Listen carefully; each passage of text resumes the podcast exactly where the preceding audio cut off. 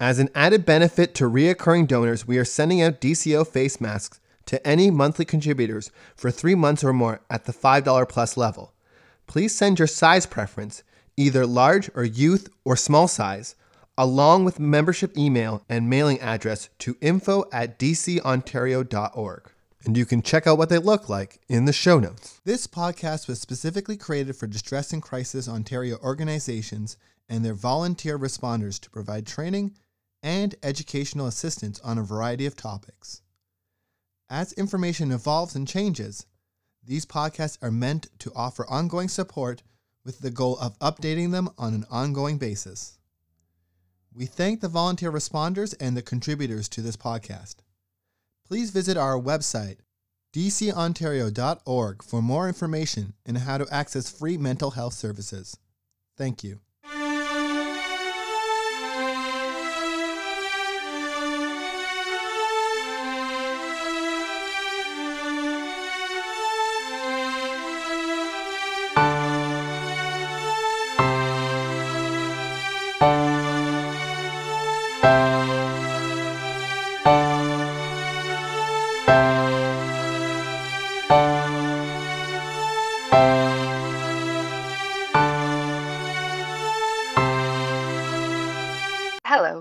Caitlin Plant, Program Manager for Distress and Crisis Ontario, and today I am joined by Eliza.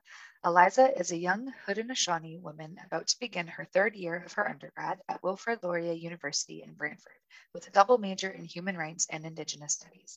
She has kindly joined me today to discuss her personal experiences surrounding racism and to discuss how important she believes cultural intelligence to be, as well as sharing how these things have impacted her mental health. So, Eliza, thank you for joining me today.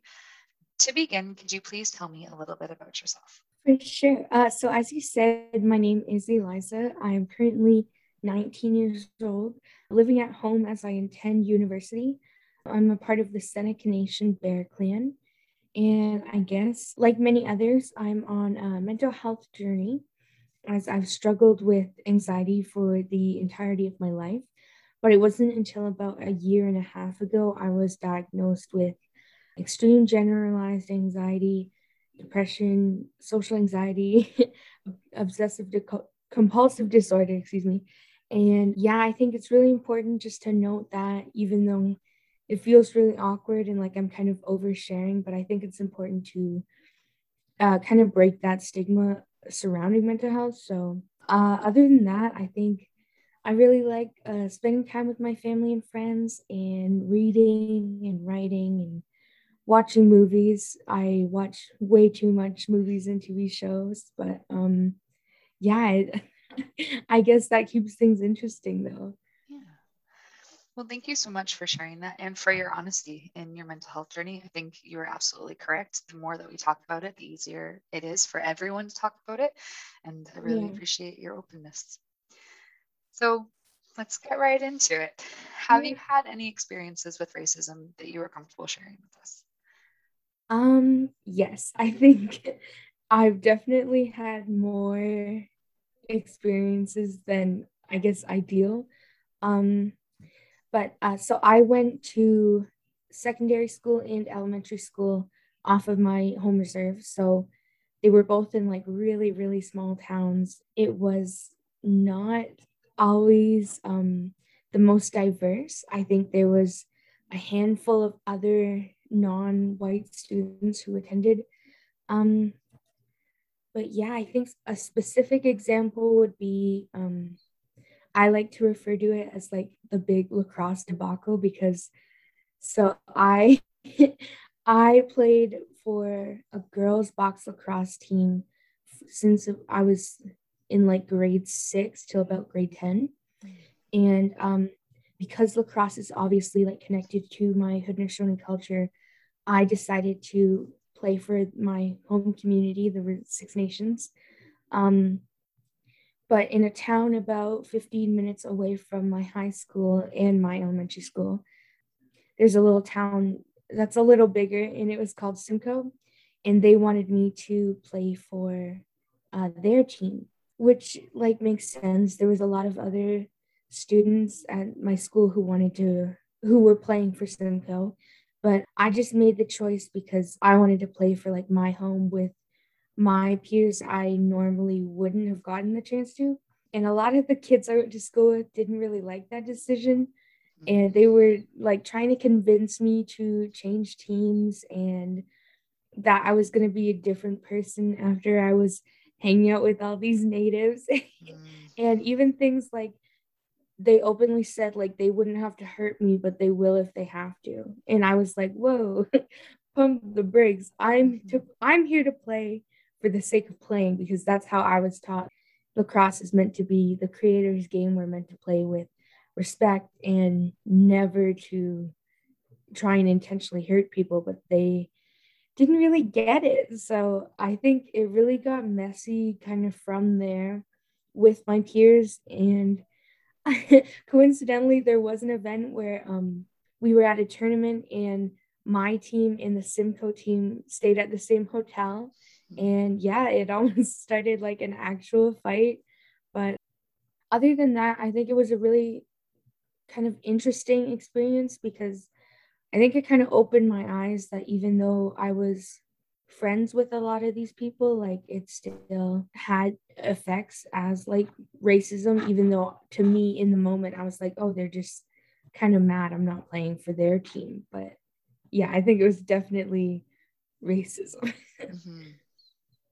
Well, I'm sorry that you've had those experiences, and also even how you said that you've had more instances than are ideal. No yeah. instances is the ideal, and I think the fact that you felt like you yeah. needed to qualify that speaks volumes. And yeah, mm. I uh, just wanted to address that. So, how have these experiences impacted you in your day to day life? I mean, you've already given us one example from lacrosse, but just kind mm. of how do these go hand in hand with with the things that you shared about your mental health journey as well. Yeah. Um, well, I think another big piece of it that personally I didn't even consider until like I sit down and think about this kind of thing, but is like the systemic part of it. Sometimes I would be sitting in classrooms where I was the only indigenous person and like have even teachers kind of turn and like ask me questions or um like see if I wanted to answer like a fellow classmate's question even, which is like fine, I guess, but it's still like I'm there to learn, so why do I have to be a resource kind of thing? Mm-hmm. And then I think it also becomes an issue with like my mental health specifically with like getting in trouble, which sounds kind of weird, but so for example, I can go back and forth between the Canadian and US border with my Indian status card. But pretty much as soon as you show that you have a status card and you try and use it to cross the border, a lot of border crossing guards get kind of a little more pressing with their questions, I guess is a good way to describe it.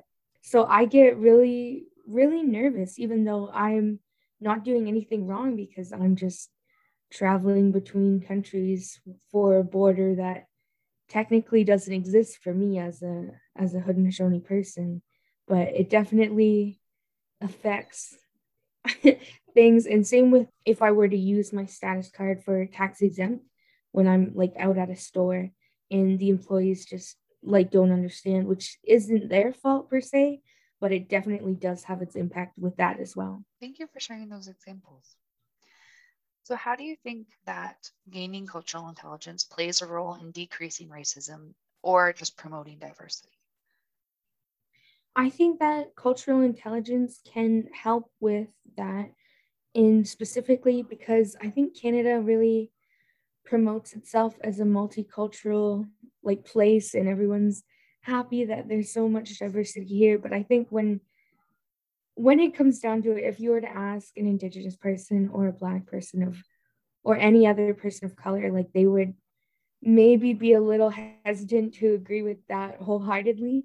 And I think it's also just like realizing that there are some Western kind of impact, Western cultural impacts that are here in terms of like, you need to look out for number one and you need to like do what you need to do for you to succeed even if that means like stepping on other people. And I think that's really different from how I was raised. And like in the cult in my cultural teachings, like I think you have to, in order to live like as a kind and genuine person, you aren't succeeding unless everyone around you succeeding. So I think that really collectivity can promote that as well as like cultural intelligence because if you don't know how to be empathetic, then I feel like we're not really going to get to a place where there is even less racism because I don't know if completely like no racism is like a reasonable goal, but I think definitely less racism is reasonable. Mm-hmm. Yeah, I think you're right that we, we live in a very individualistic society mm-hmm. where yes, I think looking out for number one is is pushed on us a lot more than it should be. Yeah. And it's not healthy for anyone. But I think yeah, it would be very challenging to have these competing ideas as you're growing up and hearing yeah. anything from kind of the greater world around you than you're learning at home.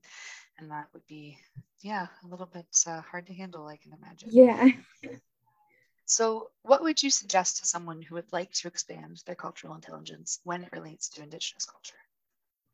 Um, I would say that it's really important to not only listen and try to learn, but like actively listen and learn. Because i think a lot of people would like to just go to a couple talks and then say they're an ally. But i think it's really important that you listen to these very, very important and great talks. But then also like challenge your own thinking and even think about like the kind of things you would learn in grade 10 history class and what was in your textbook just start to question who well who wrote these textbooks and what what was true and what isn't exactly true mm-hmm. and just think about that mm-hmm. yeah i think that's that's a great suggestion to just kind of put that lens of yeah kind of colonialism over things mm-hmm. put it bluntly and and how that's not always not always actually the case of things for sure so, aside from that, are there any specific ways that you can think of that we can all become better allies for the Indigenous community? I think just again, like supporting Indigenous businesses is always a great way. To, I, I guess an example of this would be like Orange Shirt Day. There's like tons of things going on for Orange Shirt Day.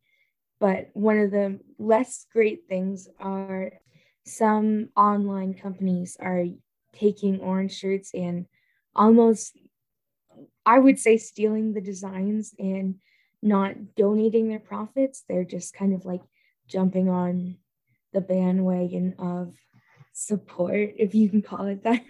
so I think just like making sure you are getting like things that are genuinely going to help survivors, for instance, but also just questioning things, I think is good because if you just accept the dominant narrative, that Canada has kind of served to like everyone, not anyone in particular, but I think that's another thing to just be aware that no one wants the country wouldn't want to admit that they're violating human rights every single day because no one's going to want to stay here. If they know that Canada is openly not making safe drinkable water in so many communities for like years on years. So I think it's just important to realize that the things you've heard might not be completely true. Yeah, always always questioning and I, I appreciate that yeah you you called out that making sure that you're actually supporting the right cause especially yeah. when it comes to things like orange shirt day because you're right I've, I've seen it too it's it's mm-hmm. companies mm. kind of capitalizing on it and that's not yeah. helping anybody and uh, as much as it might be easier to go with the first option that you find is by a company that you know, it's better to actually seek out an Indigenous business that's selling them where you know that the funds are going to go towards something helpful and not just yeah. to the pocket of this bigger company that really doesn't need that. Yeah. Mm-hmm. So I'm going to throw kind of an unplanned question at you just to ask if you right. have any resources that you could suggest for people that want to learn more um, if we don't maybe know where to start to ask these questions yeah well i know there's a quite a bit of like online content is kind of like booming right now. I guess is a good way to say it. Um, there are um, like specific websites you can go to that will tell you even as simple as like what original land you're on pretty much anywhere in north america like i think it's just you could just type in whose land am i on? and it should come up. But also just um like if you find indigenous owned businesses like they also have pretty good connections to resources because they get a lot of questions. I know my sister is um she's a beater and she like makes great I gotta shout her out, but she makes really good, really good stuff. And she also like posts some more informational stuff if people are wondering like would it be cultural appropriation for me to wear a beaded piece but mm-hmm. no because like if it's from an indigenous person directly who's making this for you rather than you buying it from urban outfitters kind of thing like mm-hmm. sorry urban outfitters but like that kind of thing that's definitely not genuine kind of personal so i think other than just looking for resources like that like i know tiktok like there's so so much content on there too that can like segue into other things that might be a little bit more official but yeah, there's there's a lot of stuff out there. Mm-hmm. Awesome. Go ahead and give your sister a shout out if people want to check her out. Yeah, uh, I think I think her Instagram is Delaney's Designs. Okay, perfect. Yeah. so, is there anything else that you would like to add that we haven't already touched on today? Yeah, I think just now that things are kind of coming to maybe September 30th, Orange Shirt Day being like a national kind of I don't like to say holiday, but like a day to reflect. Um, I think that's kind of important to see if there's any events you can go to or just like listen to like a podcast like this is a really good idea. Mm. Um, but yeah, just something like that that can kind of brighten the indigenous voices and kind of highlight things. Mm-hmm. And also I think it's important when doing land acknowledgments specifically, like if your intention is to be genuine, like don't just like copy it word for word from where you've seen it, I guess. I think that's just something I like to always mention because for nothing specifically, but like it's always just people wonder like what to do with land acknowledgments. So I think that's important to kind of point out as well. Mm-hmm. What would you suggest as a maybe a good place to start with a land acknowledgement? Um, I think just like getting down to the basics of whose land you're on and why you're acknowledging it, I guess. Because like it does seem like to be kind of the bare minimum, I guess, but like why to you and whatever you're doing, like why are you acknowledging it? Because everyone else is, or because you really want to show your respect and um yeah. Yeah. Well that's awesome. Thank you so much for joining us today. This has been a really great experience. And yeah we really appreciate you sharing your story and your perspective with us thank you for having me it was a really good time hi i'm damien one of the editors of the dco learning forums podcast we are committed to providing the most current and up-to-date information with your help, we can make it better. Please consider going to tips.pinecast.com slash jar slash distress dash and dash crisis dash ontario.com or by clicking the link in the show notes. And by donating, monthly contributors will be able to access a special podcast feed. In it, we'll have additional content and some more in depth pieces on some of our most popular topics. Thank you.